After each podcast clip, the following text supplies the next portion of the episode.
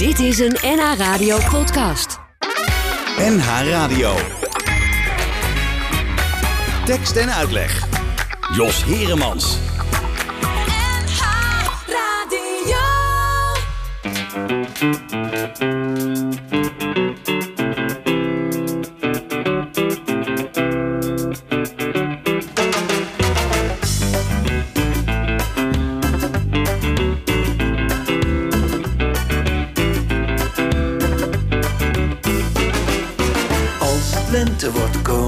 Naar buiten. Met z'n allen op hetzelfde moment. Als ik durfde, dan zou ik naar ze fluiten. Maar ik heb maar een fluitje van een cent. Mm, Wat duurde de winter lang, zaten ze allemaal binnen. Maar nu kan ik weer urenlang veilig achter mijn zonnebril. Stiekem kijken waar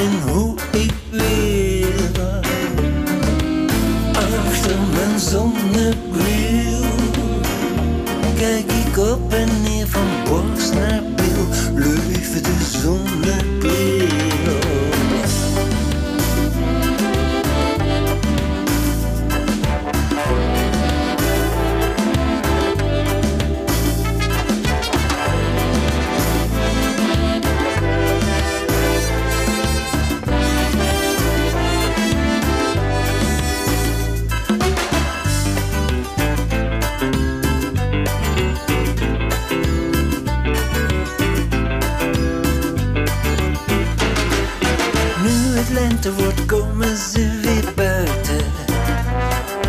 En het lijkt of ze nooit zijn weg geweest. Oh, schalbazuinen en laat de klokken luiden. Want ik ben zo blij dat dit nooit geneest. Kon ik ze maar één voor één in mijn armen nemen. Voorlopig zit ik hier nog alleen, eenzaam achter mijn zonnebril. Stiekem te kijken waar en hoe ik wil. Achter mijn zonnebril flitsen mijn ogen steeds van borst naar bil. Leven de zonnebril.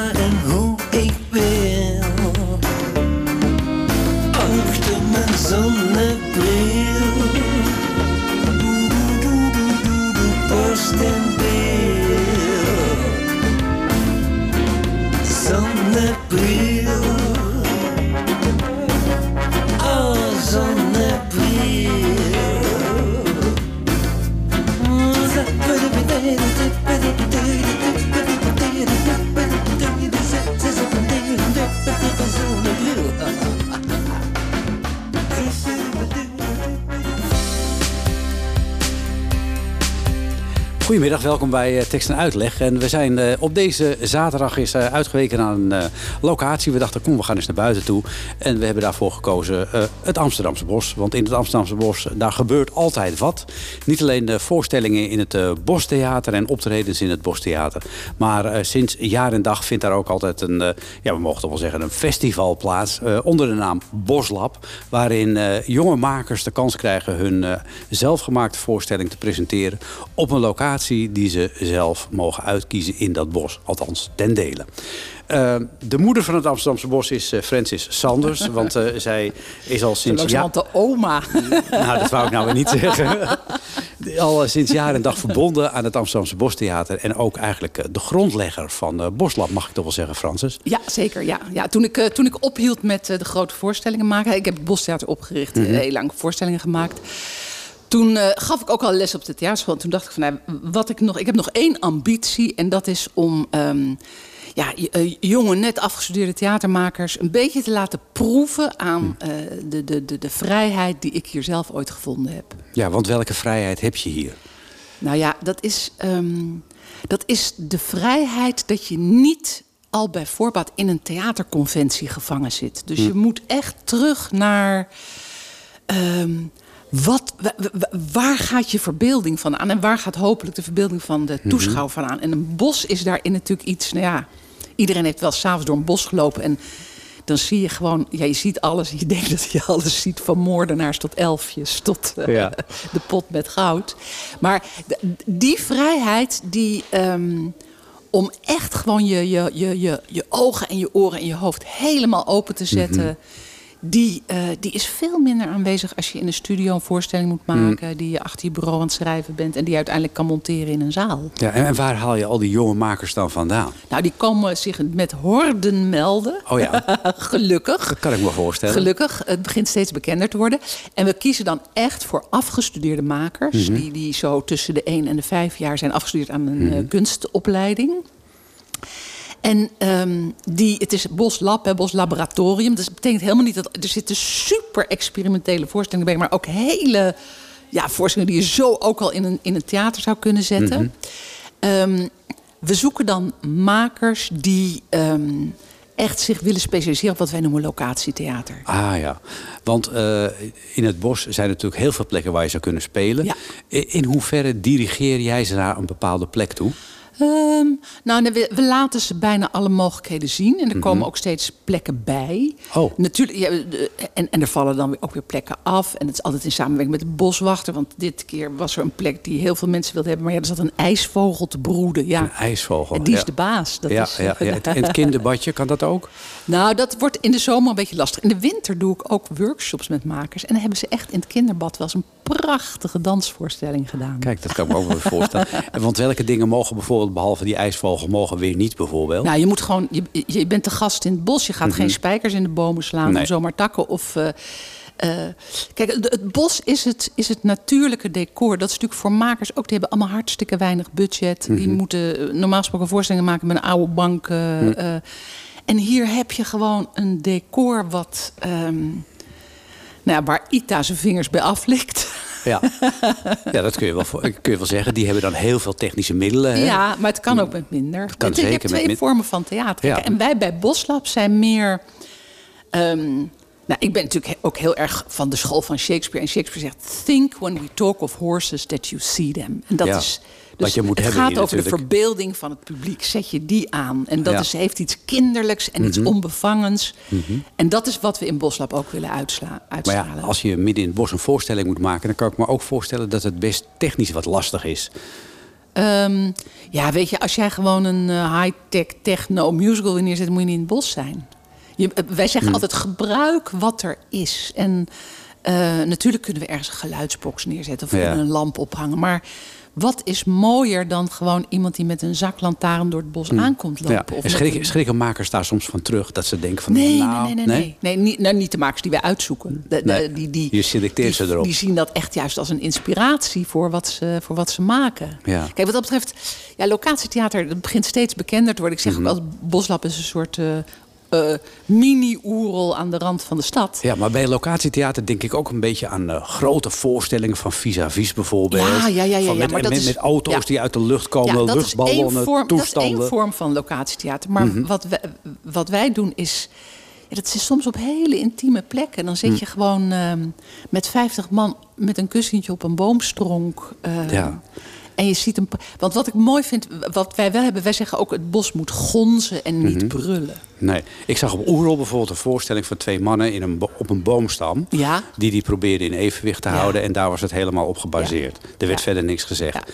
Eh, zijn dat voorstellingen die jij ook graag in huis zou willen hebben? Ja, we hebben zelfs een voorstelling die daar nou, misschien wel aan refereert. Hm? Van twee memespeelsters, Meret en Pleune, die echt op de mooi, bijna de mooiste boom van het bos. Mhm. Een, een, een, ja, een prachtige mimevoorstelling, bewegingsvoorstelling. Echt een, echt een gedichtje. Is dat. dat is een, een, dus dat soort pareltjes, daar zijn we ook naar op zoek. En, en daarnaast, ja, we proberen die avond zo gevarieerd mogelijk te maken. Dus Ja. daarnaast heb je ook uitsmijters als blauwdruk. eh, eh, Ja, met een fantastische voorstelling. eh, de- de- ja. ja. en dat is natuurlijk, dat doen we natuurlijk met Boslab ook. Die zijn nu voor het derde jaar bij ons. Ze zitten ook bij ons in een jonge makerstraject. Die hebben we echt van de toneelschool geplukt en gezegd van je moet hier zijn, want hier kan je theater maken. Hm. En die neem je dan onder je hoede ook. Jazeker, ja, ja, ja. ja, Zijn er bijvoorbeeld ook artiesten die nu zeg maar doorgebroken zijn... waarvan, je, waarvan jij met trots kunt zeggen... als eh, oma van het Amsterdamse Bos... van, eh, die zijn nog onder mijn vleugels vandaan Nou, gekropen. bij, bij Boslab, eh, de aller, aller, allereerste versie van Boslab... Mhm. was eh, een, een voorstelling van, eh, eh, van Circus Treurdier. Ja. Van Thomas Spijkerman, die Ja. eh, voor het eerst zijn... zijn, zijn, zijn eh, makers- en regiepogingen deed. Dus, eh, nou ja, ja, je, nou ja. je kunt dus ver mee komen.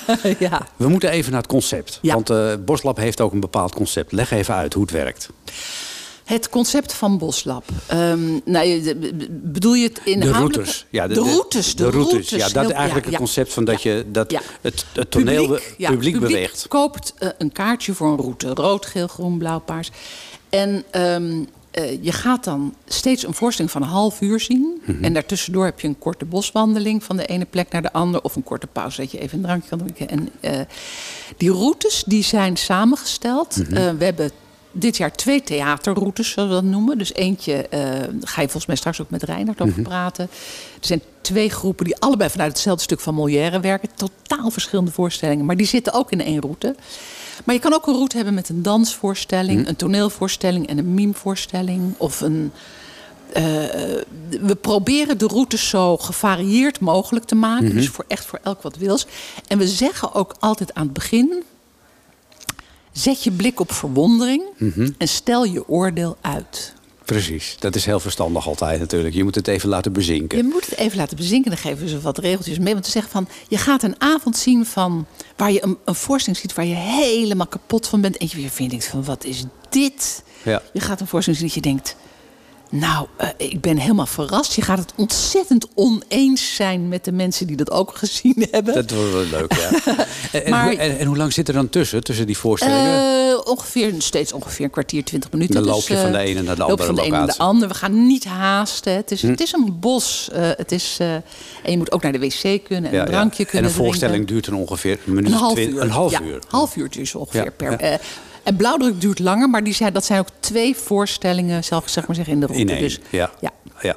Ehm, hoe kom je aan kaartjes? Alles Nou, die kan online? je kopen online, ja. www.bostheater.nl. En dan zie je gewoon bij de, bij de programmering. En dan zie je de route staan. Zie je ook Ah, wat in ja. welke route zit. En dan eh, kan je een route kiezen. Waar kijk jij het meest naar uit? Naar, eh, in, in deze versie, eh, di- deze Oh, editie joh. van, van Boslab?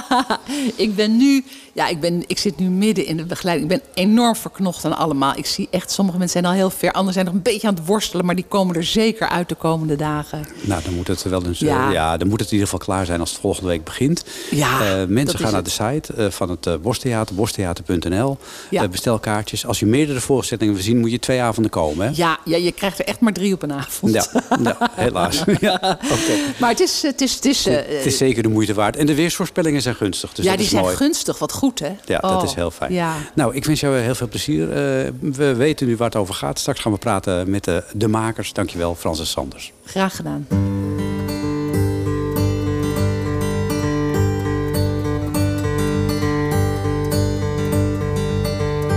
In mijn hoofd is alles heel eenvoudig. In mijn hoofd valt alles op zijn plaats. Geen verderf, geen loeiende reclame. Welkom, welkom in mijn hoofd. Er is tijd voor eender welke richting. Er is plaats voor eender welke stroof. Er is rust om alles te overschouwen. Het is prettig toeven in mijn hoofd. Overdag is er de verwarring. Overdag loopt het spoorvlucht dood. Overdag wringt men zich in bochten.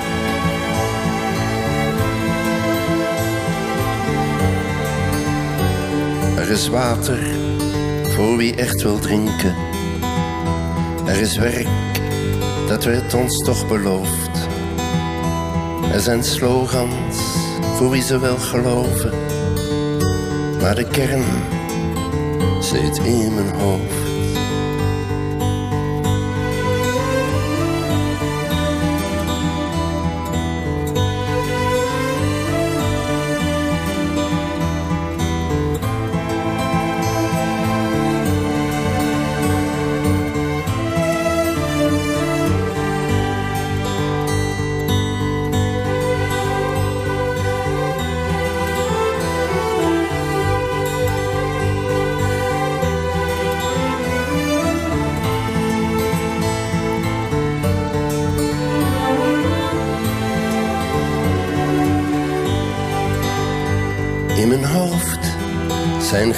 Misverstanden.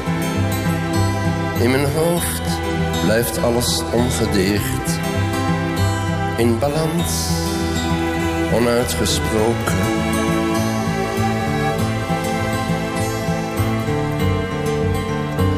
Naar het schijnt verdwijnen je gedachten. Tot het licht volledig is gedoofd.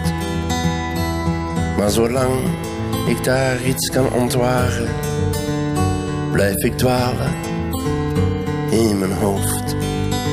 Ja, zolang ik daar iets kan ontwaren, blijf ik dwalen.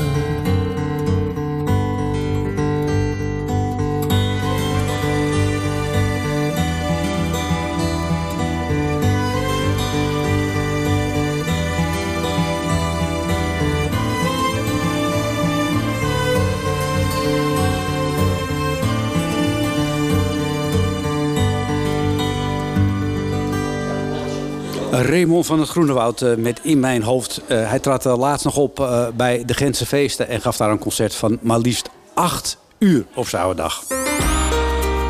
Tekst en uitleg. En uitleg. NH Radio.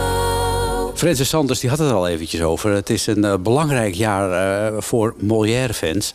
Want eh, er zijn in het Boslab maar liefst twee voorstellingen... die te maken hebben met Molière. En een van de makers van een van die voorstellingen... is Reinoud Bongers. Dag Reinoud. Dag, hallo. Hallo. Ehm, ja, laat ik eerst maar eens even vragen... waarom staat Molière zo in de belangstelling dit jaar? Ehm, ik, ik denk dat het met een, met een aantal dingen te maken heeft. En een van de dingen is, eh, hij is eh, dit jaar 400 jaar dood. Dus dat is eh, volgens mij voor toch wat mensen reden om weer eens een keer aandacht te geven aan, aan die Franse toneelschrijver. Zoals Ita volgens mij deed het ook al. En ik weet dat het Zuidelijk Toneel ook een, een voorstelling gaat maken.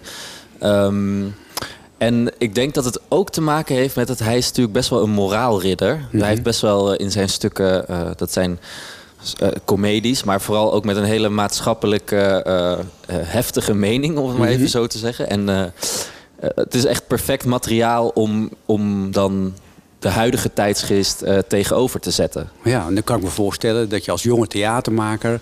ehm, niet 1, 2, 3 in verband gebracht wordt met een eh, 400 jaar oude eh, Franse eh, toneelschrijver.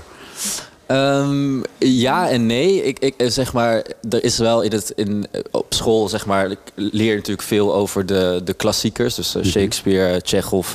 En Molière is daar ook eh één van. Dus eh, hij is wel een grote naam natuurlijk binnen, binnen het theaterlandschap en binnen het repertoire. Ja. Ehm, en zeker voor jonge theatermakers die eh, hart hebben voor repertoire, is het wel een. eh, en hart hebben voor comedie ook vooral, eh, is het wel een, een, een ja, graag geziene gast, om het maar zo te ja. zeggen. Ja, want wat sprak, was, wat sprak zo aan in Molière bij jou? Ehm, nou ja, ik hou, ik hou gewoon heel erg van, van de comedie. Ehm, dus dat is al, dat is al nou ja, één reden om, eh, om eens goed onder, onderzoek te doen naar Molière. Ehm, en ja, wat ik, wat ik heel spannend vind aan hem is dat hij tegelijkertijd een heel grappig en luchtig plot kan, eh, eh, kan schrijven. En tegelijkertijd toch ook op zo'n manier maatschappij kritisch kan zijn dat je wel denkt: oh ja, hier kan ik wel wat van vinden. Dus Ah, hier kan ik het mee eens zijn of hier kan ik het mee oneens zijn. Eh, maar het zet je wel toch ook aan het denken. Ja. En eh, die combinatie vind ik heel erg spannend en eh, leuk om mee te werken. Ja. Want dat kan je ook als, als theatermaker, kan je daar ook makkelijk dus iets tegenover zetten. Kan je ook, dat doen we ook in de voorstelling, zetten we letterlijk Molière op het podium als personage. En eh, mag je dus ook als publiek met hem mee, maar mag je je ook zeker verzetten tegen zijn, eh, tegen zijn dwingende moraal. Oh, Oké. Jullie voorstelling heet Nu de Dood nog. Ja, Eh, nou ja, leg maar uit. Leg maar uit. ja. Ehm, ja, ehm, Molière, die, ehm, eh, wat ik dus al zei, Molière die, die speelt bij ons mee. Die eh, is, mag na 400 jaar weer even terugkeren eh, hier in het Amsterdamse bos om, om zijn moraal te verdedigen. Zijn moraal was in de ingebeelde zieken. We maken een bewerking op de ingebeelde zieken. En, en hij schreef daar eigenlijk in, wij gaan niet dood aan onze kwalen, maar wij gaan dood aan onze medicijnen. En eh, dat vond ik in, de in de huidige tijdsgeest best wel een spannende moraal. Zeker als je kijkt naar Amerika, hoeveel mensen daar verslaafd zijn aan pijnstillers. Bijvoorbeeld, ja. En ook, eh, maar natuurlijk ook met de hele coronapandemie. In hoe wij omgaan eigenlijk met, eh, met, met wat we opgeven aan vrijheid om, ja, om maar die dood te, te slim af te zijn eigenlijk. En om daar zo tegen te vechten. Ehm, ja, toen, toen waren we eigenlijk aan het denken, ja, goh. eh, ehm, wat is eigenlijk onze relatie nou met sterfelijkheid en hoe, eh, welke plek neemt de medische wereld daar eh, in? En ehm, het hoofdpersonage van de ingebeelde zieke, Argan, is een hypochonder. Dus die slikt nogal veel medicijnen en pillen Ja. ehm, om maar niet ziek te zijn, terwijl hij dat eigenlijk niet is. Dus het gaat eigenlijk over hoe, ja, hoe om te gaan dan met die angst voor de dood. En, dat, en eh, er zit in het personage Molière eh, zit een eh, bepaalde vorm van roekeloosheid. En in het personage van Argan, gespeeld door de andere acteur, die, daar zit een grote angst. En die twee vechten eigenlijk een beetje om voorrang binnen Ah, ja. dit stuk. Ja, en jullie, jullie staan met twee man op toneel. ja, ja, Ja. ja. En dan is het natuurlijk altijd een grote vraag. Dan heb je het idee voor zo'n stuk. Dan mag je naar het boslab. Ja. Dan heb je zo'n heel Amsterdamse bos, ligt voor je open. Ja. En dan moet je bedenken, waar zullen we dit eens gaan doen? Ja, nou eigenlijk was dat, eh, volgens mij was ik de eerste van alle groepjes die zijn locatie wel eh, eh, helder voor ogen had wat dat moest zijn. Want ik wilde eigenlijk meteen, ik dacht Molière, dat moet op het grote podium. Ah. Die, die man, die, eh, dat is zo'n ijdeltuit. Die gaat niet ergens verstopt in een bosje zitten. Die gaat eh, gewoon op het hoogste dak op de tribune van het Amsterdams Bostheater zich, eh, zich profileren. En mocht dat? Ja, dat was eigenlijk. Be- Francis is, eh, is een ontzettend lieve vrouw die heel veel hart heeft voor, eh, voor de kunst. En zij was meteen, ja, dat gaan we doen. Moest er nog wel even met techniek en veiligheid en productie overlegd worden. Hoe gaan we dit veilig aanpakken? Ja, want er staat in jullie aankondiging... bereid u voor op salto's, stunts. Ja, ja. zeker. Ja, dus het is, het is ook wel.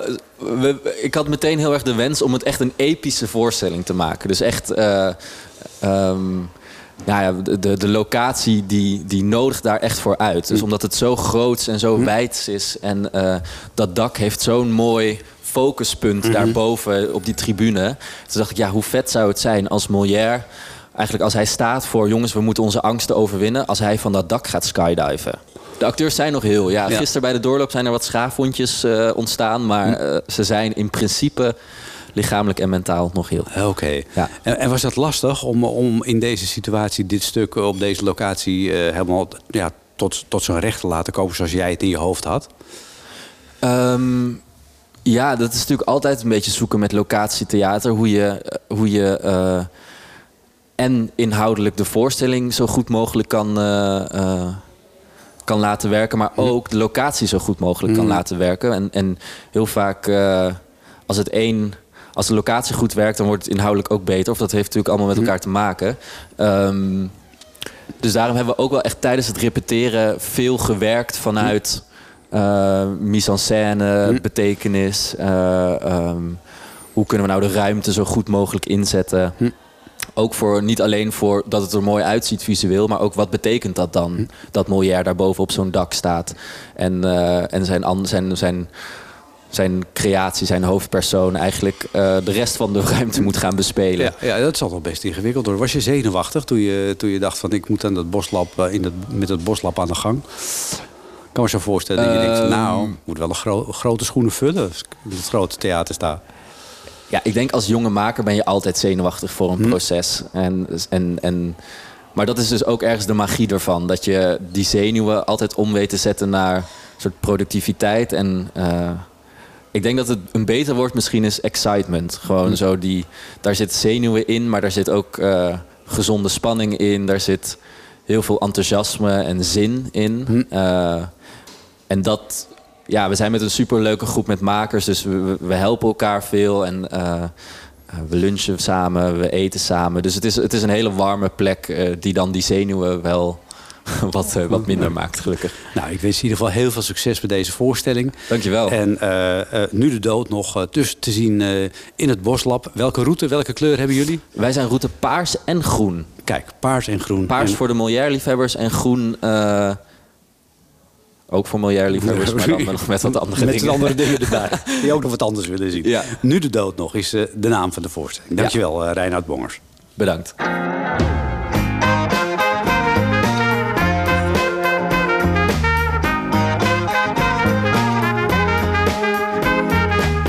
Er staat niets in de krant.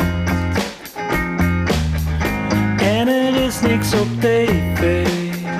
Er is niets te doen, er is er niets aan de hand. Dus ik trek mijn slippers aan en ik slof wat over straat. Drink wat koffie, koop een boek bij mijn fafo boekenzaak. En dan loop ik naar het park waar echt niemand me meer kent. Zelfs de honden ruiken niet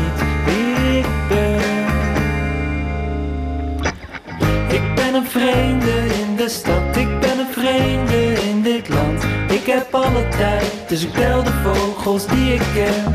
Ik ben een vreemde in de stad, ik ben een vreemde in dit land. Zelfs de honden ruiken niet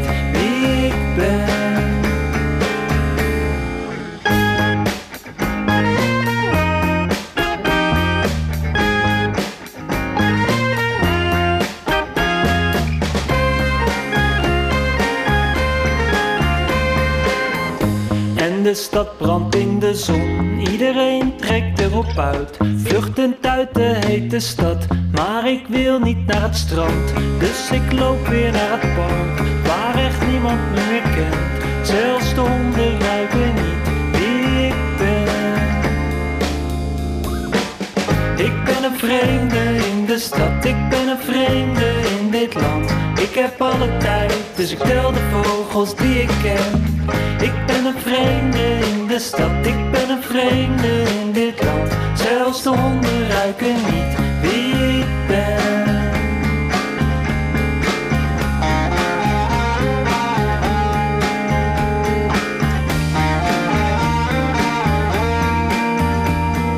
Als je dan wat ouder wordt, dan wil je vogeltjes bekijken. Alsof je dan begrijpt, ik heb alle tijd. Als je dan wat ouder wordt, dan wil je vogeltjes bekijken.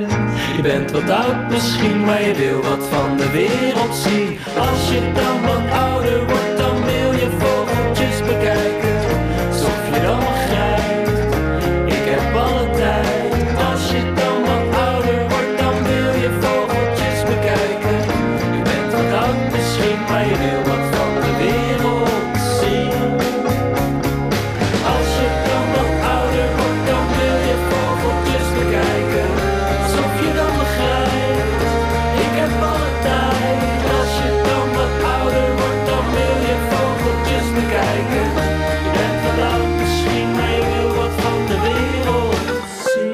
Toepasselijker kan het bijna niet. Eh, het nummer Zomer van de groep Astronaut.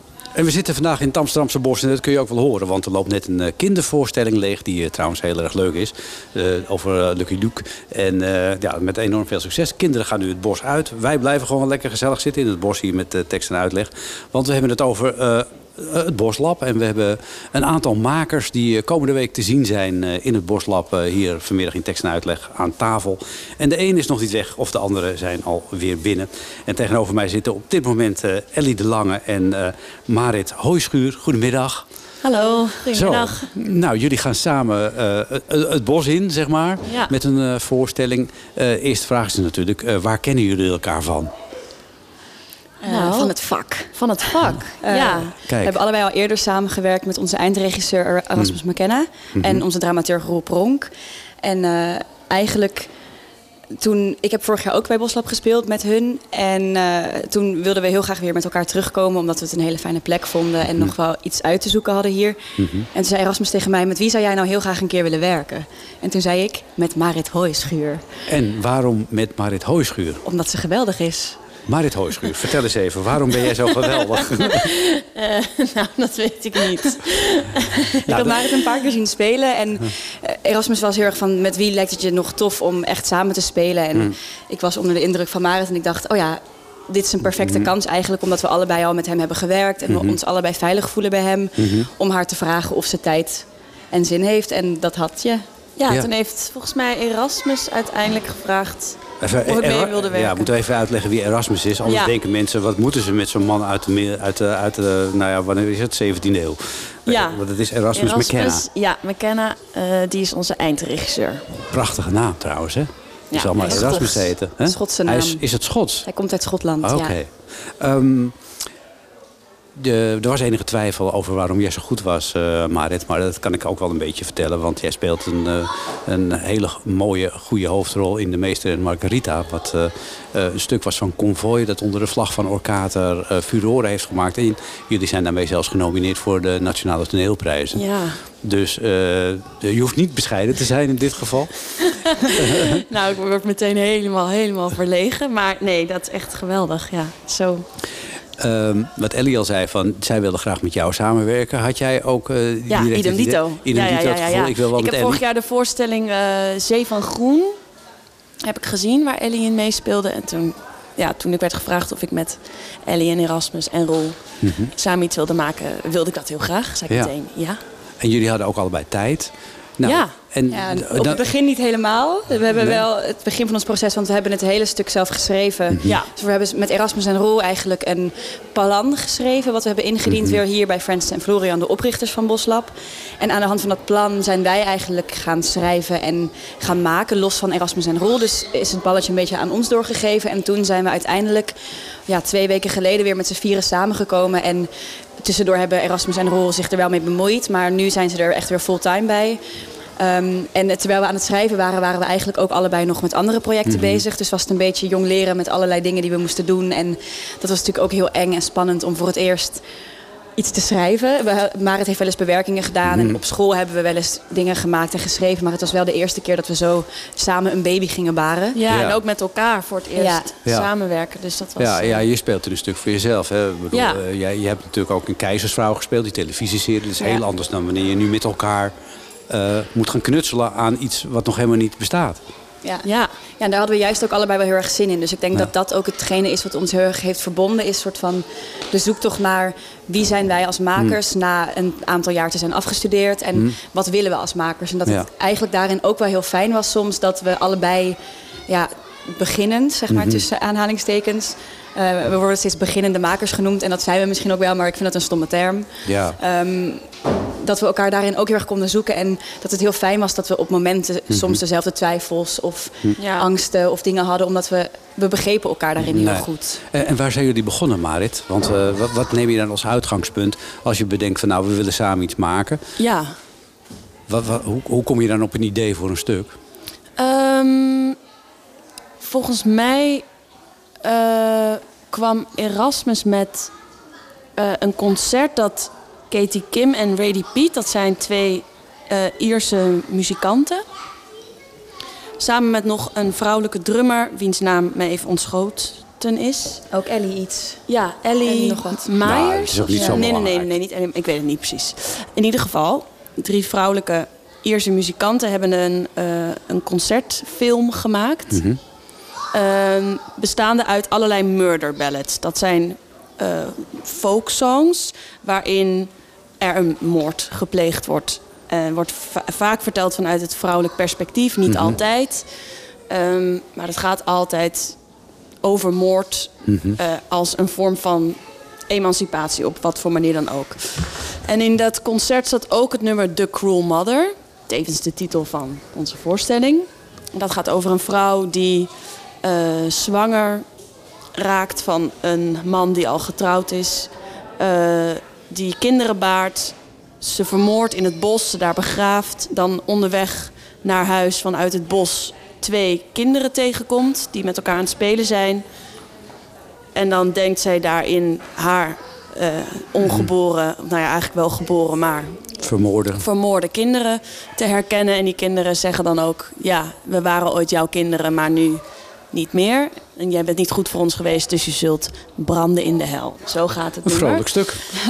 Ja, helemaal niet vrolijk. Maar toen kwamen we dus wel op het onderwerp van... ehm, ja, eigenlijk een, de moeder-kindrelatie. Nou, dan doen we dat even in een snelkookpan. En heel veel gesprekken en heel veel eh, sessies aan tafel later... hadden wij het over het sprookje Hans en Grietje. Ah, ja. Ja. Wat ook gaat over twee kinderen die, Die, ja, het bos in worden gestuurd. Ja. Om Door daar, door hun eigenlijk door hun ouders, om daar, eh, ja. nou ja, eigenlijk raak maar verdwaald en kom nooit meer terug. Wij zijn zo arm, we kunnen jullie geen eten Nee. geven. Ehm, en ze vinden wel weer een, een weg naar huis, doordat ze de heks tegenkomen, naar het snoephuis gaan en daar eh, zich nou ja, emanciperen, weten te ontsnappen en weer terug naar huis gaan. Eh, toen dachten wij natuurlijk, wij zijn twee vrouwen. En eh, we heb- hadden het ook heel veel gehad over vrouwenrollen. En Ja. de ontwikkeling van vrouwenrollen de afgelopen jaren. En de rollen die wij vaak ook gespeeld krijgen. Ik zie er vrij jong uit en word vaak gecast voor het Gietje.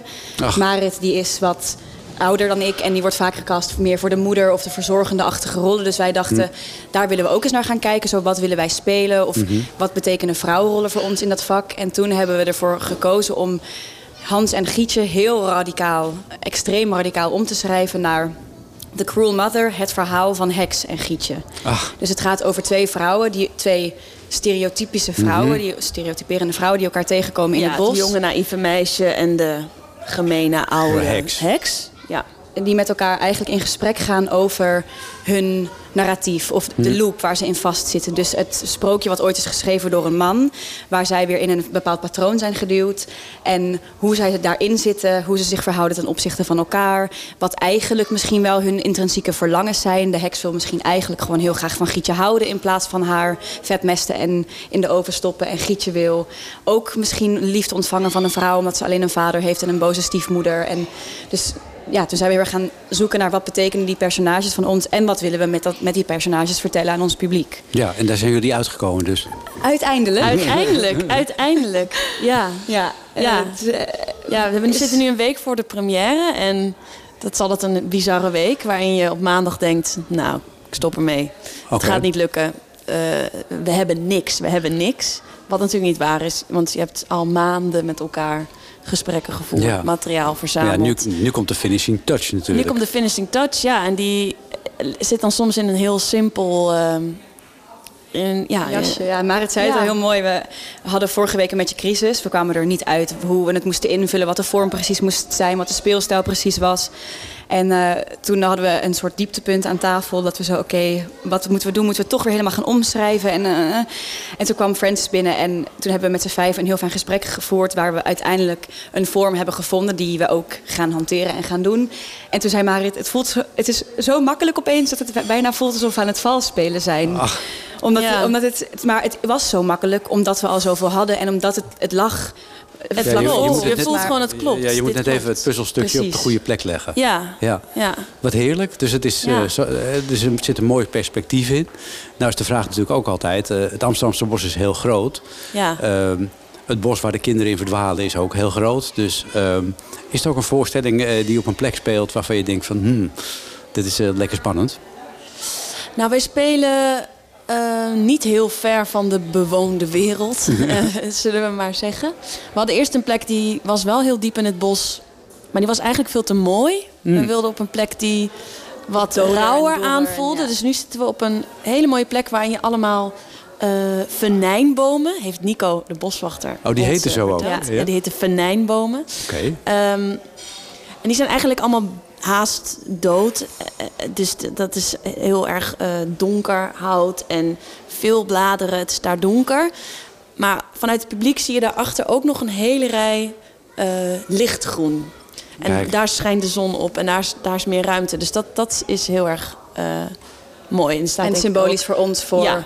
het Ja. onderbewuste in het bos en de rand, het leven daarbuiten. Dus de, het contrast van waar Gietje vandaan komt, het, ja, waar het mooie is en waar Ja. de heks eh vast zit. Ja. En daar waar de heks vast zit, of waar eigenlijk Gietje ook vast zit in, die, in dat verhaal, daar ontmoeten ze elkaar en praten ze met elkaar over hun lot. Ik ben benieuwd wat het eh, lot gaat eh, brengen voor eh, deze twee hoofdrolspelers. Maar daarvoor moet je gewoon naar de voorstelling gaan. Eh, dank jullie wel voor deze toelichting. Heel veel succes met spelen. Dankjewel. En eh, tot slot de eh, bekende vraag eh, in dit programma. Welke kleur heeft jullie route? Groen. Groen. Route groen. Naar onze route kijken. Route groen, dames en heren. Oké, dank jullie wel. Dankjewel. Tekst, tekst, tekst. En, en uitleg. Eh, we zitten nog steeds in het Amsterdamse bos. En in het Amsterdamse bos eh, is komende week eh, het Boslab te zien. En eh, in het Boslab kun je heel veel verschillende voorstellingen zien aan de hand van bepaalde routes. Je kunt per route eh, drie voorstellingen zien. En eh, als je een van die routes volgt, dan kom je Laila Klaaser tegen. En die zit nu tegenover mij. Dag Laila. Hallo. Wat ga jij doen in het bos? Ik ga samen met twee vrienden en collega's, Just van Bommel en Lieke van de Vecht, een voorstelling maken over de duisternis en angsten. Geïnspireerd op mythen en sprookjes en werk van andere kunstenaars die obscuriteit romantiseren. Oké. Dat is een beetje onze verkooptekst. Eh, en eh, we gaan eigenlijk intuïtief te werk. ehm, met het creëren van beelden en sferen die, eh, die, die passen binnen, ja, binnen, binnen het kader van angst in de nacht en het duister en referenties naar horror. Oké, nou dan zit je wel op een goede plek in het bos. Ja, precies. Ja.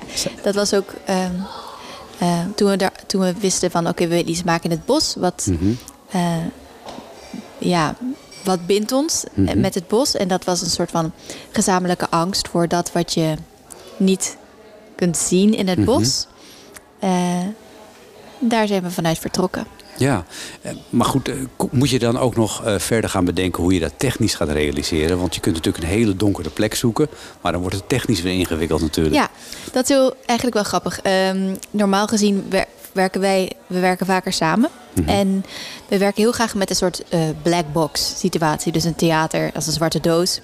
Je ziet niks, alles verdwijnt tenzij je er een lampje op zet. En hier in het bos ben je echt afhankelijk van nou, eh, de maan en de zon.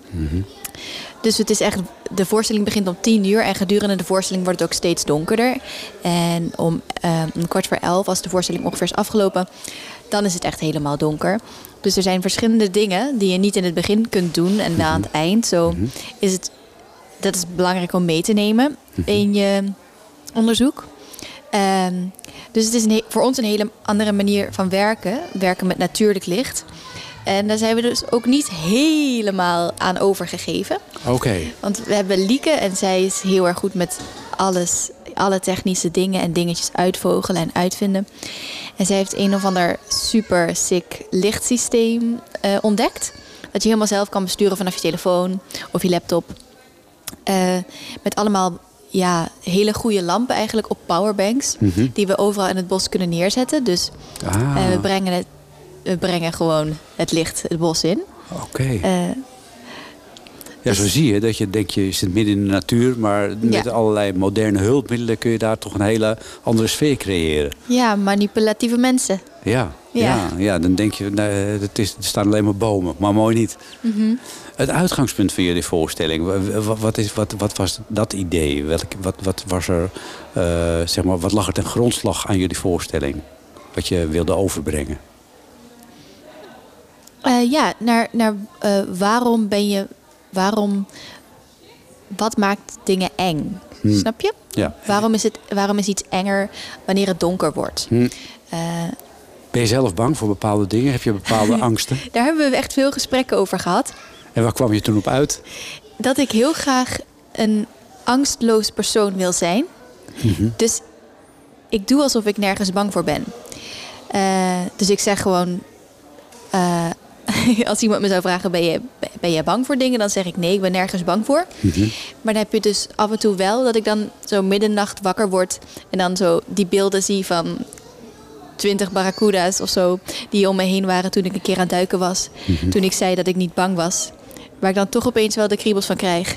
Ehm, ja, ik word, ik word nu vaak wel achter, achtervolgd door angst die ik heb uitgesteld. Oh, Ja, ik hoop niet dat deze voorstelling ook heel veel angsten bij je hebt- heeft losgemaakt. Of is nee. Nee, eigenlijk, eigenlijk heel veel vertrouwen juist. Ehm, het werken aan een voorstelling op de manier waarop, waarop wij het gewend zijn... is altijd doodeng. Mhm. Omdat je van tevoren... We werken niet met een script. We Mhm. bedenken alles eh, ja, in het moment van dag tot dag zelf. Eh, niks staat vast. En dat is, als je, als je geen zekerheid hebt, creëert dat ook best veel angst. Maar dat ik met deze twee super getalenteerde, hele lieve mensen samen kan werken, Mhm. geeft me dat ook heel veel vertrouwen. En ja, een gedeelde angst is eigenlijk ook veel minder eng. Ja, zo is het ook weer natuurlijk. Eh, als we jou hier in donker het bos insturen, ben je dan ook niet bang? Nee, nou ja, ik, ik kom, ik kom van, de, van een. eh, ik woonde vroeger op best wel een afgelegen plek. En als ik dan eh, ja, naar de stad wilde of naar school wilde of iets anders wilde doen, dan moest ik altijd eh, ook nog eh, een half uur door het bos lopen zonder verlichting. Dus ik ben het Oh, bos wel gewend. Dat ben je wel gewend, ja. Ja. Dus ja, kijk niet op van een geluidje. eh, Nee. Nee. Nou, dat is wel goed om te weten, toch? Dat geeft je ook wel weer vertrouwen als je, als je dit soort dingen moet gaan doen. Ja, Ja. ja de- ik vind het bos echt een, een waanzinnig fijne plek om te werken. Mhm. Maar ook echt een hele grote struggle. Omdat je dus... Je kunt de boel niet manipuleren op de manier Mhm. zodat je dat in een theater wel kan doen. Mhm. Ehm, ja, het, eh, zoals bijvoorbeeld ehm, ijsvogels die opeens een nest bouwen op de plek waar jij je voorstelling wilde spelen. Ach. En last minute moeten verkassen, wat we dus gedaan hebben. Of dat je denkt, oh we bouwen een heel nice onderwaterpodium, waardoor het lijkt alsof we op water kunnen lopen. En dat je dan erachter komt dat je niet in de modder spijlen kunt slaan, omdat er dan gaspellen vrij kunnen komen die de, de levende visjes en diersoorten in het moeras eh, kunnen belemmeren. Oké. Eh, dus dan weer een nieuw idee bedenken. Dus dat is echt. eh, Het enge aan het bos is dat het bos altijd wint. Ja, ja, ja. En hebben jullie nu een goede plek gevonden? We hebben een super fijne plek gevonden. We zitten hier nu aan het water, Mhm. eigenlijk dicht bij het boskantoor. En ehm, het is eigenlijk, het voelt een beetje als een, een kleine open plek te midden in het bos. En eh, de oever speelt mee, dat is een fijn gegeven. Dus Ik vind zo, Mhm. waar land het water grenst, het is altijd ja, fijne extra dimensie of zo. Eh, en ik ben heel erg benieuwd wat het gaat worden. Want zoals ik al zei, we werken van dag tot dag, van moment tot moment. En ik denk dat we deze week al drie eh supergewenste crisissen hebben gehad. Kijk. en eh, elke keer weer het roer omgooien. Eh, en dan, dan is het echt noodzaak om te vertrouwen dat alles wat je hebt bedacht en wat je hebt onderzocht, dat dat ergens in alles wat je weer overhoop schop, schopt, toch Mhm. blijft zitten. Ja. En dus ik, ja, ik ga ervan uit dat we nu in drie dagen met iets gaan komen waar, waar het werk van de afgelopen twee maanden in zal zitten. En toch eh, elke keer weer compleet Iets overhoop anders. gehaald is. Ja. Ja. Dus jouw enige angst die er nu nog is, is premièreangst. Ja, ja en ik ben van de drie wel echt de paniekhaas. Ehm, dus ehm, ik weet zeker dat als een van de anderen hier had gezeten, dat ze zeiden: Oh, het komt goed. En ik, eh, ik hoor hen zeggen dat het goed komt, dus ik zeg ook dat het goed komt. Nou, laten we daarvan Ja. uitgaan. Dankjewel en heel veel succes eh, met eh, deze Boslab-voorstelling. Eh Laila Klaassen. Tot Dankjewel. slot de vraag weer. Welke route zijn jullie? Wij zijn route blauw. Kijk, dankjewel. Ja, gezellig. En zo is het alweer bijna zes uur, maar wij weten van geen ophouden. Straks na zes gaan we vrolijk verder met het eh, tweede uur van tekst en uitleg. Nog steeds vanuit het Amsterdamse bos. Waarbij we eh, aandacht besteden aan de voorstellingen die de komende weken daar te zien zijn in het kader van Boslab.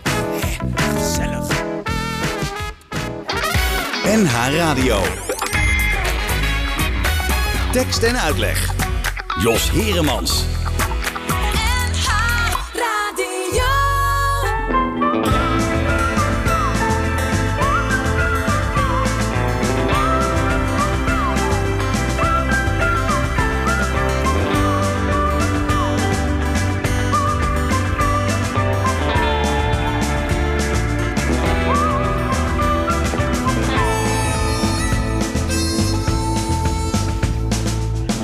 Blik naar voren en altijd onderweg. In de wind kan hij ze horen, schrijf ze op, bestaan ze echt. De woorden en akkoorden zijn de stenen die hij legt.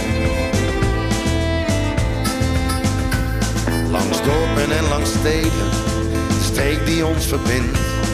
Het heden en het verleden, ons gevoel dat hij bezingt als zijn kompas. Het zijn de troubadours met het prachtigste verhaal. Ver weg maar ook van hier, uit een lang vervlogen tijd.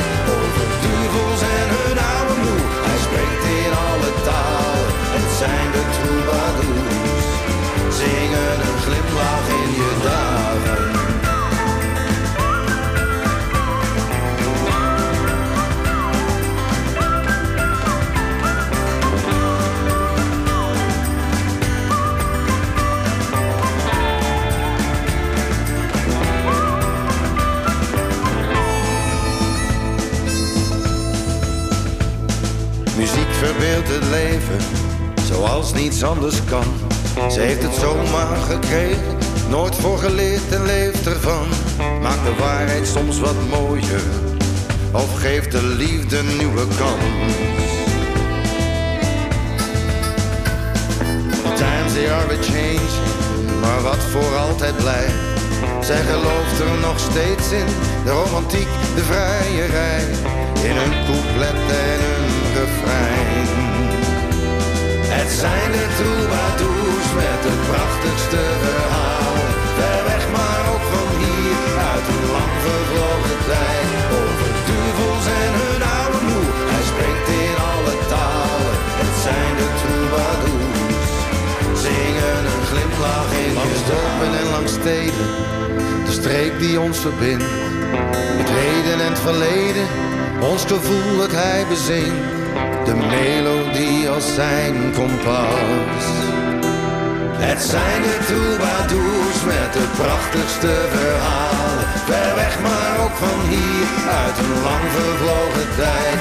Over duvels en hun oude moe, hij spreekt in alle talen. Het zijn de troubadours, zingen een glimlach in je dagen.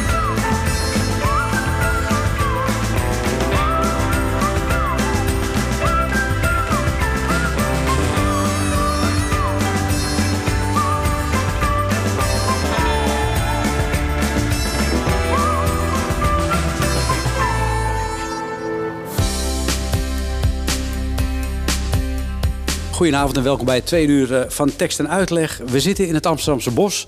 Heerlijk op locatie. En dat doen we natuurlijk niet zomaar. Want eh, de komende weken kun je in het Amsterdamse bos eh, van alles beleven op eh, theatergebied. De voorstellingen die worden aaneengeregen in Boslab. En dat zijn hele diverse voorstellingen. We hebben dat het afgelopen uur al kunnen horen. En het tweede uur beginnen we met Laurien van Rijswijk. Die inmiddels is binnengekomen. Dag Laurien. Hallo. Ja, we hebben al heel veel verschillende voorstellingen gehoord en verschillende concepten. Maar hoe zit het met jouw voorstelling? Hij heet Better Days. En dan komt er een heel lang Duits citaat eh, in de aankondiging. Eh, wat- wat in, in feite een introductie zou moeten zijn van jouw voorstelling. In den finsteren Zeiten wird, das, wird da auch gezongen werden. Ja, dan, eh, dan denk ik alweer voor degene die geen Duits spreken. Wat bedoel je daarmee? Ja. Ehm, nou, inderdaad, zal er ook gezongen worden in duistere tijden. Mhm. Dat is de, vertaling. En hij, hij eindigt het citaat met ja. Er zal ook gezongen worden over don- donkere tijden. Ehm, waarmee, nou ja, de schrijver of eh, Bertolt Brecht is dat in, in dit geval, maar ook ik wil zeggen: eh, er is altijd iets om eh, over te zingen. En er is altijd ook van hele duistere dingen is er Mhm. iets moois en stralends. En, eh, eh, Ja, en juist veel- in duistere tijden is het ook natuurlijk eh, vaak zo dat mensen gaan zingen om hun angst te verdringen of om verbondenheid te voelen. Ook dat, ja, nee, zeker, ja. Ja, en ja, inderdaad om dingen mooier te maken. Ja. Ja. En om het verdriet misschien ook een beetje te vergeten. Ja, ja, zeker. Er is altijd hoop. Er is Dat altijd hoop. Ja, ja. Ja. En, en hoe, eh, ja, hoe, hoe ga je daar daarmee aan de gang in jouw voorstelling? Met, dit uitgangspunt. Ja, ehm, nou, mijn voorstelling is dus een. ehm, ik ben dus een, een burlesque voorstelling in het bos aan het maken. Doe maar, dat is nogal pretentieus. Dat is eh, vrij pretentieus. En eh, nou ja, inderdaad, eh, we zijn nu een paar weken zo bezig hier eh, op locatie. En eh, je loopt dan ook eh, tegen een hoop dingen aan. Eh, want nou ja, de wereld van burlesque is natuurlijk iets eh, dat gaat over... Inderdaad, de, de, de esthetiek en de schoonheid. Hè, de- ook in de letterlijke voor, eh, Mhm. zin van het woord. Dus heel, het is allemaal heel ehm, gedetailleerd en heel schoon en heel... ehm, ehm, nou ja, het moet, moet er mooi uitzien. Ja, want ik denk meteen aan theaters met plusje en rode gordijnen. zeker, ja. Beetje gedimde verlichting. eh, ja, ja eh, heel veel glitter, sfeer. sfeer, glitter, Ja, ja. kroonluchters. Ook heel, heel erg een veiligheid natuurlijk. Je, je Mhm. creëert tijdens, bij burlesque ook echt een soort... eh, ja, iets met het publiek wat heel erg gaat over empowering. eh, een soort, soort veiligheid. En eh, waarin de performer heel erg eh, kiest wanneer verhul ik iets en wanneer onthul ik iets. Mhm. En hier in het bos, we zijn op een openbare plek ook. Dus we rep- Mhm. ik, hè, ik repeteer langs een, een voetpad waar de hele tijd mensen... Echt waar? Oh, dat lijkt me best Ah, moeilijk, ja. Dat is toch ook wel. Eh, ja, en nou, alles wordt vies in het bos. Het is Ja. gewoon, het gaat miseren en, en alles is modder. Ehm, dus dat, dat is een, gewoon een fijne frictie natuurlijk Mhm. als theatermaker. Ehm, en ik, heb me heel erg laten inspireren op het leven van eh, Marlene Dietrich. Mhm. Eh, omdat ik haar een hele fascinerende eh, vrouw vind. Obviously een hele mooie vrouw. eh, maar ook eigenlijk een hele nou ja, interessante vrouw. Omdat ze ook hele lelijke kanten had. Oh ja, vertel eens. Nou, ze, dus ze was iemand die heel erg de controle wilde houden. Dus zij, zij koos hoe zij eh, nou ja, haar leven en maar ook haar eh, persoonlijkheid eh, vorm gaf. Haar, haar, nou ja, haar personages, maar dus ook haar persoonlijkheid inderdaad. Ze had heel veel regie over haar eigen eh, ehm, performen, maar ook dus haar eigen leven. Ehm, totdat ze de regie eigenlijk kwijtraakte. Nou, ja, ik zeg steeds, het, zij was een soort, ze had een soort goochelact. En dat was haar, haar Rol? schoonheid. Haar, Ah. Dat was haar. Ze was dus en de goochelaar en het konijn in de hoed. Eh, hè, ze, ze, dus ja, ze dirigeerde haar act. En haar act was inderdaad haar présence, haar schoonheid. Maar op een gegeven moment, zoals dat gebeurt in het leven bij iedereen... eh, ja, de tijd verstrijkt Hm. en eh, je lijf verandert. Dus zij kon haar act eigenlijk niet meer volhouden. En wat bleef er toen over? Eh, nou, heel veel frustratie. en heel veel ehm, ook lelijkheid. Ja. Of Hm. nou ja, ze, eh, ze deed dus heel veel de best om die controle eh, te behouden. En heel veel toch mooi eruit Hm. te blijven zien. En, En, en dat is ook wat jij doet in die voorstelling. nou ja, dus het gaat dus, nou ja, het is dus gebaseerd op haar, op haar leven. Het is niet Mhm. dat ik per se één op één Marlene Dietrich ga spelen, maar ja, iemand, een vrouw in, die, die te dealen heeft met het bos en dus met, eh, nou ja, in, bos is er verval. ja, en is een er... omgeving die haar natuurlijk niet eh 1, 2, 3 eh, bekend in de oren klinkt. nee, precies. En misschien heel angstig is voor haar. Ja. Maar die ondanks die plek eh, toch probeert om... eh, ja, en iemand die ouder is geworden, Mhm. die toch probeert... eh, ja, Ja. iets te behouden van, het, van, de, van de zeepbel die ze zelf heeft ontwikkeld. Gecreëerd, ja. ja, ja. En komt daar ook zang aan te pas? Ehm, nou, het is, nog, het is nog een beetje in de maak. Oh. Eh, dus eh, er komt Nou. zeker stemgeluid aan te pas. En wie weet is dat ook wel, eh, heeft dat ook wel klank. en er zit er een In een melodie soort bij. Precies. Ehm, eh, maar, ehm, maar dat is ofwel Marlene's stem, ofwel Mhm. mijn stem, of een soort hybride daarvan. ja. Mhm. Ja. Ja. het is een gewaagd eh, idee om dat eh, hier te doen, hè, omdat het natuurlijk in de buitenlucht is. Ja. Eh, wat je net al vertelde, daar sta je te repeteren langs een voetpad. Hoe is dat om Oh zo in de, God. in de openbare ruimte zo'n voorstelling te creëren? Ja, Had je nou, dan niet veel zal- dieper het bos in gegaan? Ja, nou, het is, eh, het is zeker eh, niet gemakkelijk. Hm. Ehm, en ook heel kwetsbaar, ja. Want Hm. het gaat, ja, het gaat, dat is burlesque. Het gaat ook over inderdaad onthullen. Dus over uitkleden, aankleden. Hm. Nou, het is heel kwetsbaar.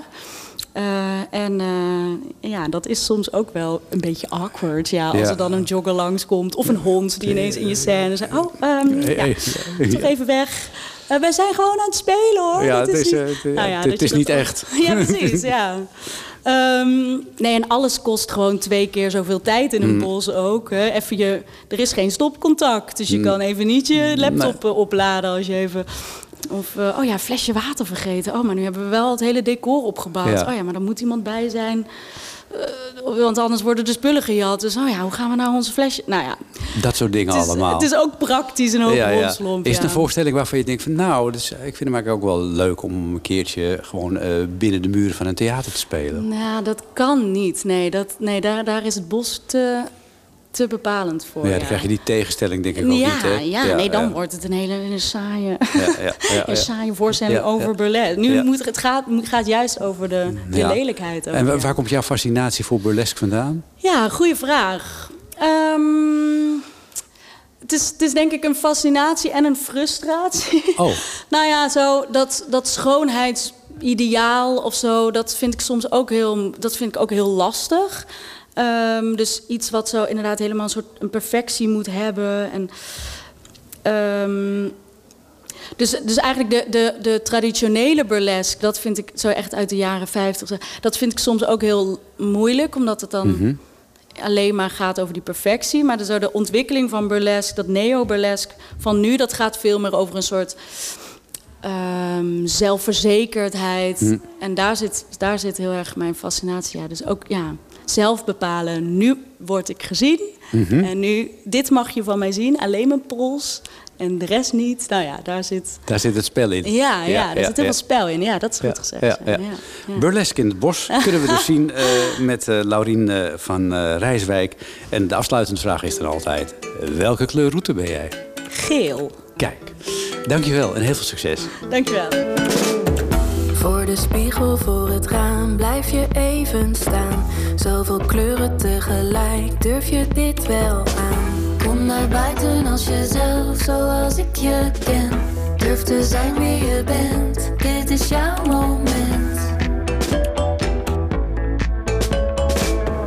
Alle ogen op jou, kijk je zweeft door de gang. Maar al het gefluister maakt je stiekem toch bang. Zoveel blikken, zoveel angst, laat ze zien dat het kan. Straal als een regenboog,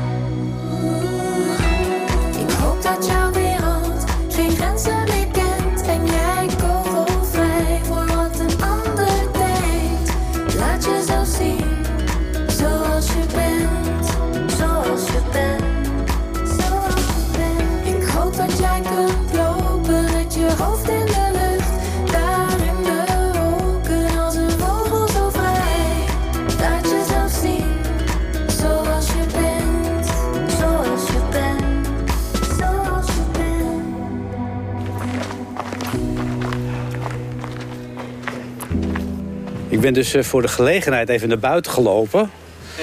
Diep het bos in. daar, daar is dus de tweede Molière voorstelling van het Boslab. En eh Tijn Panis van Blauwdruk. wat, eh, wat zie ik hier? Ja, je ziet hier ons, onze prachtige operatiekamer in het bos. Zo steriel mogelijk als dat hier kan. maar ik denk niet dat je er op de behandeltafel zou willen liggen. Jullie, zijn nu, eh, jullie hebben laatst nog een voorstelling gespeeld op Stenen Hoofd in Amsterdam. Nu staan jullie weer in het bos. Jullie weten van geen ophouden wat dat betreft. Nee, we gaan, eh, we gaan lekker door, ja. We rollen lekker door zo. Ja, zeker. Nee, en het is, ja, we zijn hier heel blij. We staan hier prachtig in een, in een bos met zo'n beetje lichtvlekken van de zon tussen de bomen door. Ja, het, is, eh, het is heel mooi hier. Ja. Nu hebben jullie deze voorstelling ook al eerder gespeeld bij de Caravaan. Ja. En, en nu in het bos. Wat is het verschil? Nou, bij de karavaan stonden we echt op een, op een grote, open, eigenlijk ja, een beetje braakliggend terrein. Eh, en nu staan we tussen de bomen. En ook nog bij de karavaan speelden we in het licht. Nu is het donker als we spelen. Dus het wordt hier denk ik vooral een stuk spannender en mysterieuzer. Ja. Ja. je hebt wel een iets kleinere tribune. Eh, ja, iets, iets minder breed, wel iets dieper. Ja.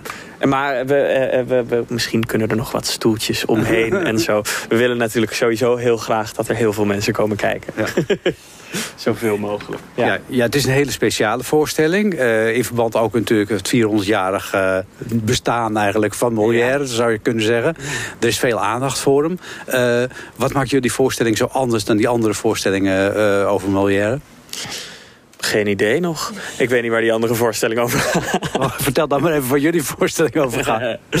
Eh, onze voorstelling, eh, nou, we sowieso altijd als we een stuk pakken of een schrijver, dan, dan laten we niet zoveel over van wat hij oorspronkelijk heeft geschreven. We gaan kijken naar waar het stuk over gaat en waar wij iets over willen maken. En dan gaan we het eigenlijk opnieuw schrijven. Eh, wel met een flinke dosis humor, net zoals Molière. Ehm, en vaak met verschillende talen door elkaar. Molière is natuurlijk Frans, dus deze voorstelling is deels in het Frans, deels in het Nederlands geschreven.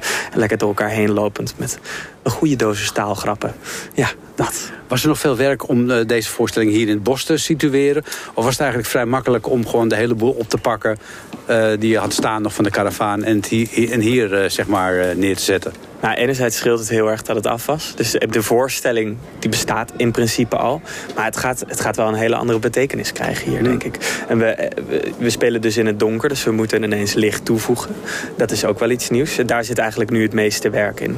Eh, eh, en dat gaat al wel weer veel nieuwe dingen toevoegen, denk ik. Maar de, de, de tekst en zo is hetzelfde, dus dat scheelt. Ja.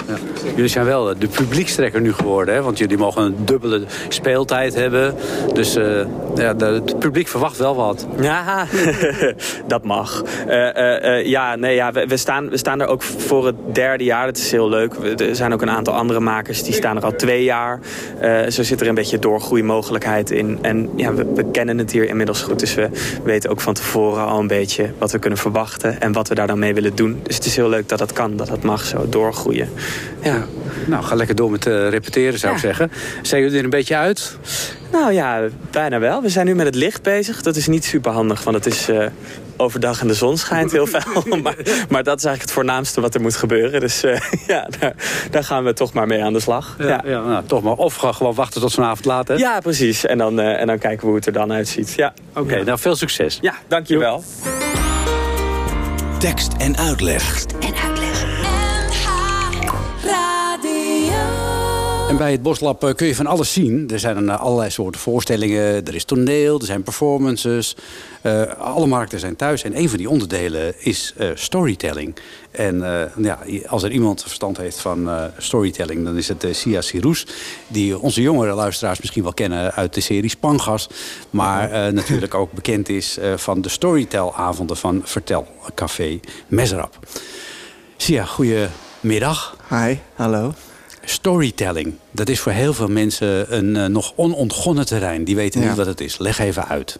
Eh, nou, storytelling is een, eh, een, een, een, een kunstvorm waarbij er eigenlijk heel simpel, zoals het ook zegt, er wordt gewoon heel simpel een verhaal verteld. Het is een Mhm. hele directe vorm van kunst.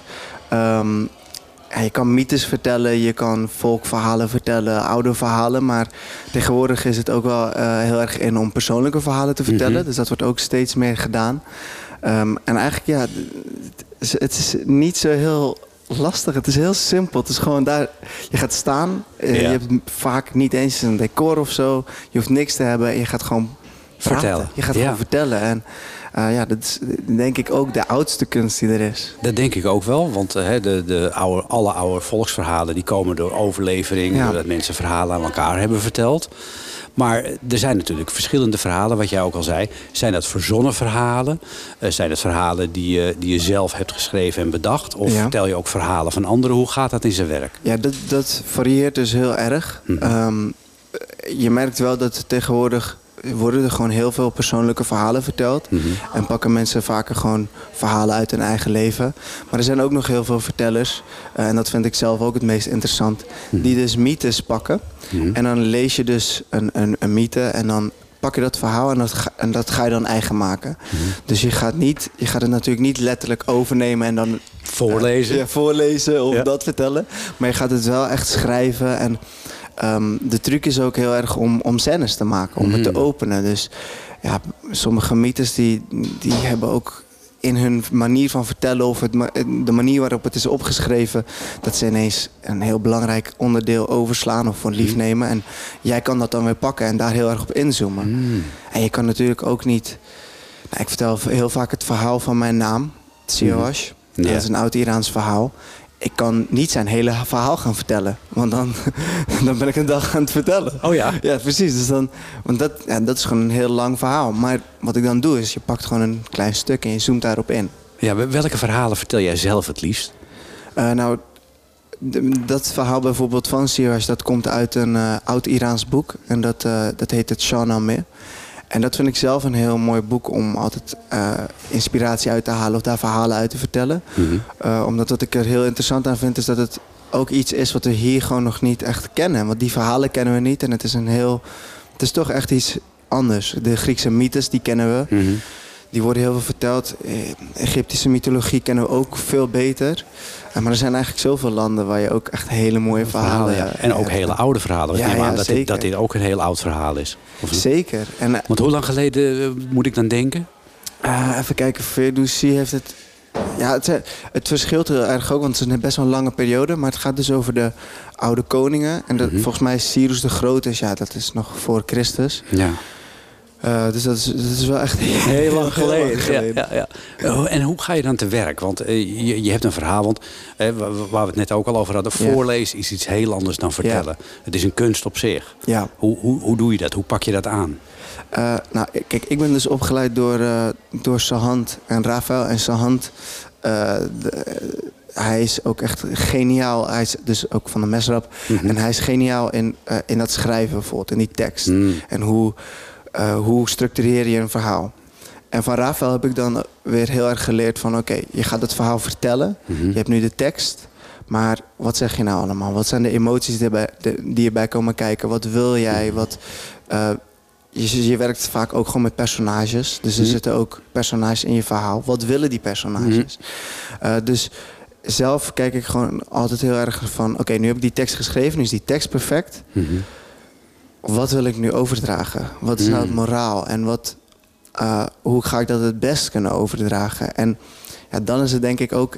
en dat is net iets anders dan bijvoorbeeld met spelen... wat ik ook Mhm. ken... is je moet echt, echt, echt in het moment zijn. Ja, Want ja. er is- mensen gaan ook op je reageren. En dat is denk ik ook het Ja. leuke aan storytelling. Ja, is dat lastig?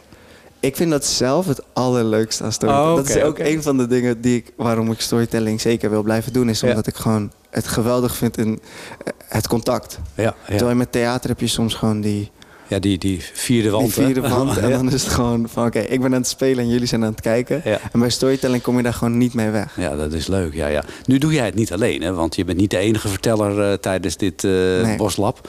Eh, je, hebt, je hebt nog wat importpersonen hier Ja. naartoe weten te, te halen. Ja, dat heeft zijn hand gedaan. Maar oh, ja, ja.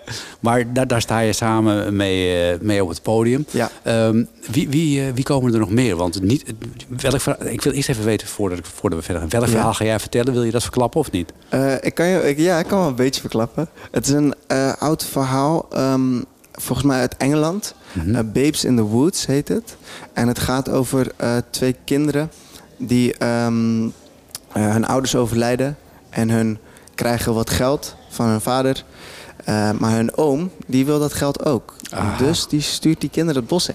Oh, ja, vals verhaal. Dat past wel goed in de omgeving, Het toch? is, ja, uiteraard op de omgeving gekozen. Ja, ja, ja. En eh, ik doe dat dan samen met eh eh, Raffi eh, Ve- Vegali. En hij doet dan ehm, eh, een verhaal over, eh, over de ehm, revolutie in, eh, in Libanon. En hij, Mhm. eh, we combineren eigenlijk die verhalen. En Ah. de eerste week vertellen wij samen eh, dat verhaal. En de tweede week eh, heb je Irena Koryazova en Sinead O'Brien. Mhm. En wat zij vertellen weet ik niet. Is nog geheim? zij, eh, dat, is, dat is nog geheim. Dat Ja. is, eh mysterie is ook heel interessant. Ja, ja, ja, zeker, zeker. En waar ga, je, waar ga je die verhalen vertellen? Ga je midden in het bos staan? Op een, want het, als er één mooie plek is waar je een rustige verhaal kan vertellen... is het op een zo stil mogelijke plek, lijkt me.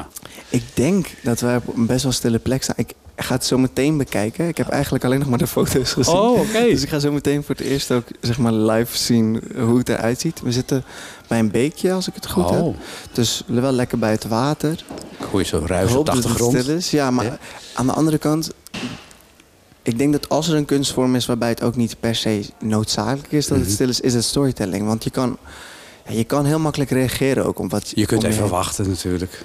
Het is echt, ja. het is- ik heb eh, twee weken geleden heb ik op Over het Ei gespeeld, waarbij er een feest was Mhm. achter eh, de plek waar ik aan het vertellen was. Met was vette beat. ja, er waren, er waren gewoon mensen aan het, aan het feest, aan het schreeuwen. Ze zaten op een boot. Ja, dan, ja, je kan het gewoon meenemen. Je kan het benoemen. Je kan zeggen van ja, ze zijn lekker aan het feesten. Daar zijn jullie nog met me. Ja, ja, ja. Zijn jullie nog mee? En als mensen niet mee zijn, dan, ja, dan moet je harder gaan werken als storyteller. Ja. Nou, ik, ik vind het een hele mooie vorm van, eh, ja, van, van een traditie die we eigenlijk weer in ere zouden moeten herstellen. Het ver- echte verhalen vertellen. Ik wens je heel veel succes. Dankjewel. Eh, tot slot, eh, welke kleur, eh, route moeten we volgen om jou te kunnen zien? Blauw, als ik het, als ik het goed heb onthouden. We gaan uit van blauw. ja, Als het verkeerd is, moet je maar kijken op blauw de ook een hele mooie route zijn waarschijnlijk. Ja. Anders kijk je maar op de site van het Bostheater, bostheater.nl. Dankjewel. Yes, bedankt.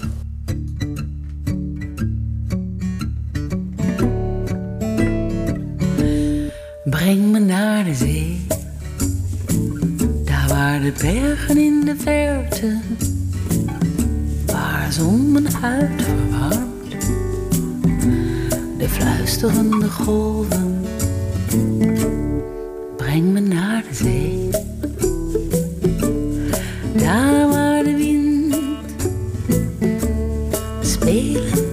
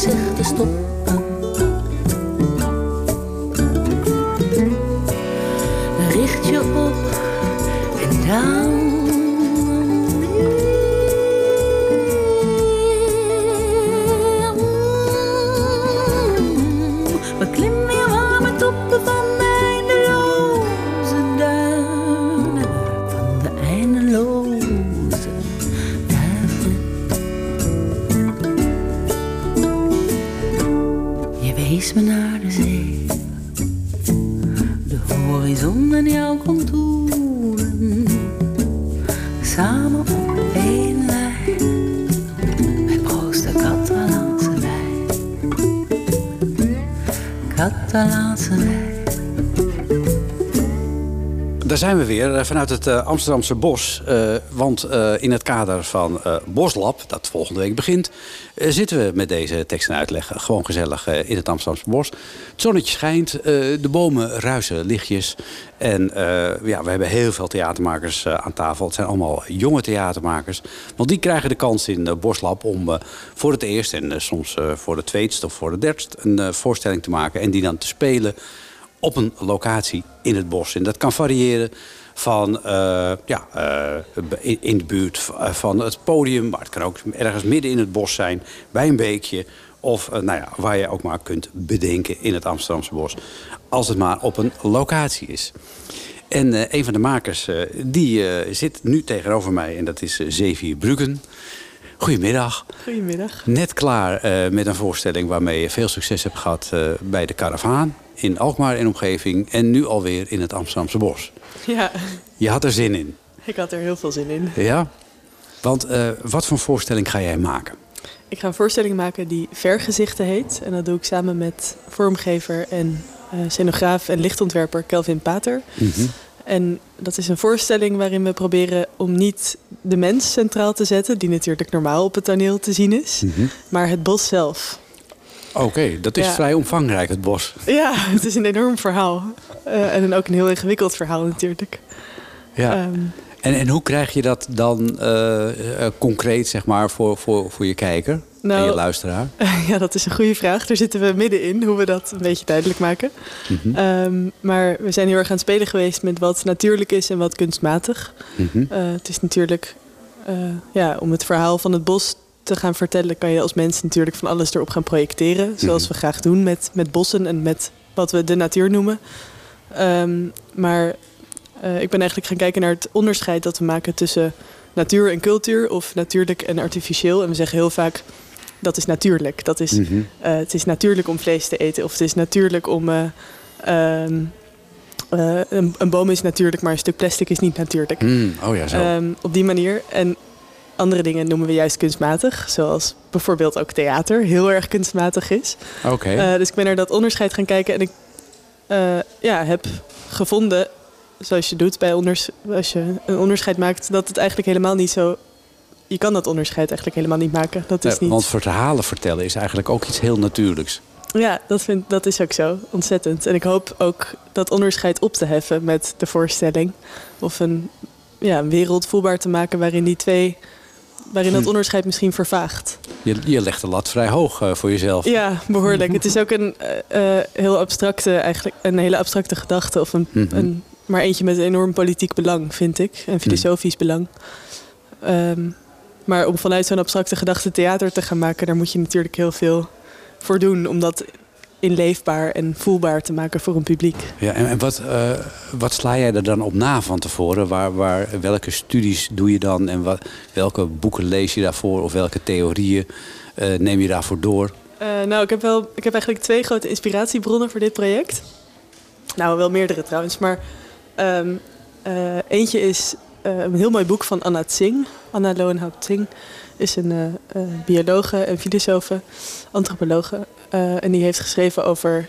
Haar meest recente boek is Paddenstoel aan het einde van de wereld. Dat is een heel mooi boek over eh, de Matsutake-paddenstoel... die alleen maar groeit op gebieden waar de mens is geweest. Dus die groeit bijvoorbeeld heel goed op vuilnisbelten. Oh, Ehm, Wat eh, bijzonder. ja, ontzettend. Dat is een prachtig boek over de ja, de verweven en verwrongen tijden waarin we leven. Dus enerzijds doe ik dat soort onderzoek, ehm, inhoudelijk en theoretisch. En ik heb me in vorm op deze voorstelling, voor deze voorstelling heel erg gebaseerd op het baroktheater. Dus ik, waarin natuurlijk de natuur werd afge... Nou ja, de mens stond nog centraal en kon de Ja. natuur beheersen. De natuur was een slaafje en je kon in het theater kon je achtergronden van, van golven en van Mhm. stormen en van onweersbuien kon je allemaal recreëren in het baroktheater. Dus ik heb ook vormonderzoek gedaan eh, ja, in, het, in het theater zelf. Dus ik heb er heel veel Ah, boeken op ja. nageslagen hoe je speciale effecten creëert. En, die eh, speciale effecten ga jij ook creëren ja, eh, in het bos. ja, in het D- bos. Dat is niet de meest aangewezen plek, lijkt me. Dat lijkt me best heel erg moeilijk. Nee, het is ook heel raar, omdat je dus de wind staat na te doen in een bos waar er ook echt wind is. Ja, dus hoe, hoe, hoe doe je dat? Hoe, hoe pak je dat? Waar, waar ga jij staan bijvoorbeeld? Eh, nou, wij staan op een plek hier in het Amsterdamse bos, die heet het Zwarte Woud. Oh. Het is midden in het bos, eh, op een inderdaad een behoorlijk donkere plek. Daar staan we tussen de bomen. En daar hebben we, eh, in die kleine open plek tussen de bomen, hebben we een, een klein theatertje gebouwd. Dat is heel... eh, Een eh, baroktheatertje. Een klein baroktheatertje. en dat eh, het lijkt een beetje op een poppenkast. en dan het publiek gaat zitten en wordt omgeven door hele mooie rode gordijnen. Hm. Dus je zit, het is heel tegenintuïtief, want je- gaat locatietheater maken buiten in het bostheater bij Boslab. En dan ga je dus een theatertje bouwen. Ja, er zit iets tegenstrijdigs Ja. in. Ja. Maar wij hebben de ruimte van het publiek hebben we vormgegeven. Dus je zit in een soort kring van rood gordijn. Mm. En dan opent zich op een gegeven moment een van die gordijnen. Zoals in een schouwburg eigenlijk. Mm. Eh, heel klassiek. En dan zie je in plaats van een podium met acteurs, zie je het bos. Ah, Dus- kijk. Ja. Ja. Ja. Dus we spelen een spel met, eh, Met- met, met de- met- fictie en werkelijkheid. We framen eigenlijk het bos alsof het theater is. En komt daar ook barokke muziek bij eh, te pas? Ehm, ja, op een, ja, eigenlijk op een bepaalde manier wel. Ja, want ik heb, ik heb een. Ja, dat, dat, dat komt natuurlijk. Ik ben al wat ouder. Mhm. Ik heb bij de naam Bruggen altijd meteen de associatie eh, met jouw vader. Ja, dat klopt. De, de, ja. de, de grote eh blokfluit-initiator van Nederland. ja. Dus ik denk, nou ja, misschien eh, heb je daar zoveel van meegekregen dat je dacht, van, nou, dat was wel mooi in die voorstelling. Beetje barokke blokfluitmuziek. ja, nee, zijn, zijn aanwezigheid is hier zeker in verwerkt. Ja, ja. Dat Ik is, denk ook in, in sfeer en in, eh, ja, in inderdaad barokke inspiratie. Ja, dat is toch een mooi eerbetoon. Ja, zeker. Ja, dat is mooi verweven. Ja. Hm. Hoe, hoe was het voor jou om, om eh, zo kort op de voorstelling die je hebt gespeeld in de Caravaan... alweer te moeten werken aan een nieuwe voorstelling hier in het bos?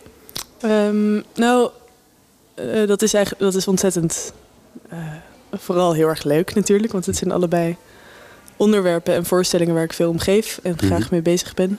Het is ook natuurlijk heel veel werk en het waren ook allebei vrij ambitieuze projecten qua techniek, dus ik heb heel veel gesjouwd en ge- gebouwd de afgelopen maanden. Dat is ook allemaal theater maken. Ehm, maar ik moet zeggen, het zijn ook inhoudelijk zijn ze erg aan elkaar verbonden. Hm. Die twee, dus eh Antifaust, wat ik op een karavaan heb gemaakt samen met Martijn Nieuwwerf en Dinda Provili. En de laatste voorstelling ooit, die ik hier vorig jaar op Boslab speelde. Mijn afstudeervoorstelling van de regieopleiding. Hmm. En nu deze voorstelling Vergezichten zijn eigenlijk alle drie onderdeel van eenzelfde... Ja, je kan het een drieluik noemen. Het is, Mhm. In elk geval is het inhoudelijk... eh, stelt het eigenlijk dezelfde vraag. Namelijk, op welk formaat moeten we de mens weergeven in deze wereld? Ja. Moet de mens groot zijn of juist klein? Of Ja. in dit geval helemaal afwezig? Dat kan natuurlijk ook nog, ja. En heb je er een antwoord op gevonden na die, na die zoektocht? Ehm, ik heb er geen antwoord op gevonden. Ik kan, ik kan je niet de precieze maten geven. maar ehm, ik heb wel gemerkt dat het heel erg belangrijk is om eh, verhalen te vertellen die, die niet alleen maar. Hoe zeg ik dit nou goed? Dat het belangrijk is om verhalen te vertellen die niet alleen maar over mensen gaan. Of waarin, waarin niet mensen of meer dan mensen Mhm. eh, ook in voorkomen. En dat klinkt misschien een beetje zweverig, maar het is gewoon heel concreet dat je nadenkt over een struik en een steen en een blikje cola. En dat het niet, En- dat het niet iets is wat, eh, zeg maar, eh, heel aan... Ja, het, het is eigenlijk heel normaal en eh, je staat er niet bij stil... maar het is goed om dat af en toe eens wel te doen. Ja, ja. en ook, ik denk, politiek gezien of maatschappelijk is het enorm belangrijk om, om hen te betrekken in onze wereld. En niet alleen maar eh, de wereld op de menselijke maat te maken, denk ik. Ja, nou, dat lijkt me Ja. een mooi uitgangspunt eh, voor mooie voorstellingen. Ik denk dat er nog heel veel gaan volgen. Want jij hoop bent het. een van de meest veelbelovende theatermakers van Nederland. Dat, ligt nogal een druk op Oei. je, hè? Nou, Ja, je zo word je wel dat genoemd. zegt. Nou, dat denk ik niet.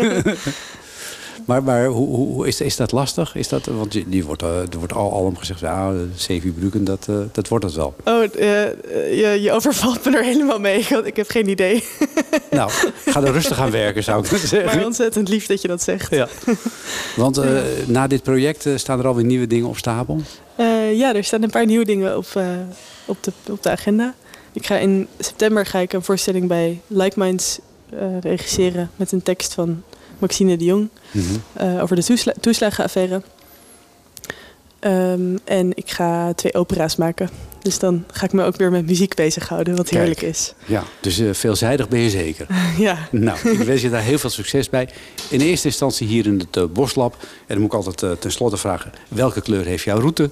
Geel. Kijk. Mijn lievelingskleur. Dan, nou, dat is dan een mooi toeval. Dankjewel. Ja, dankjewel, Bruggen. Jos. En het was eh, heel gezellig hier in het eh, Amsterdamse Bos. We hebben heel veel voorstellingen die je kunt zien in eh, Boslab eh, behandeld.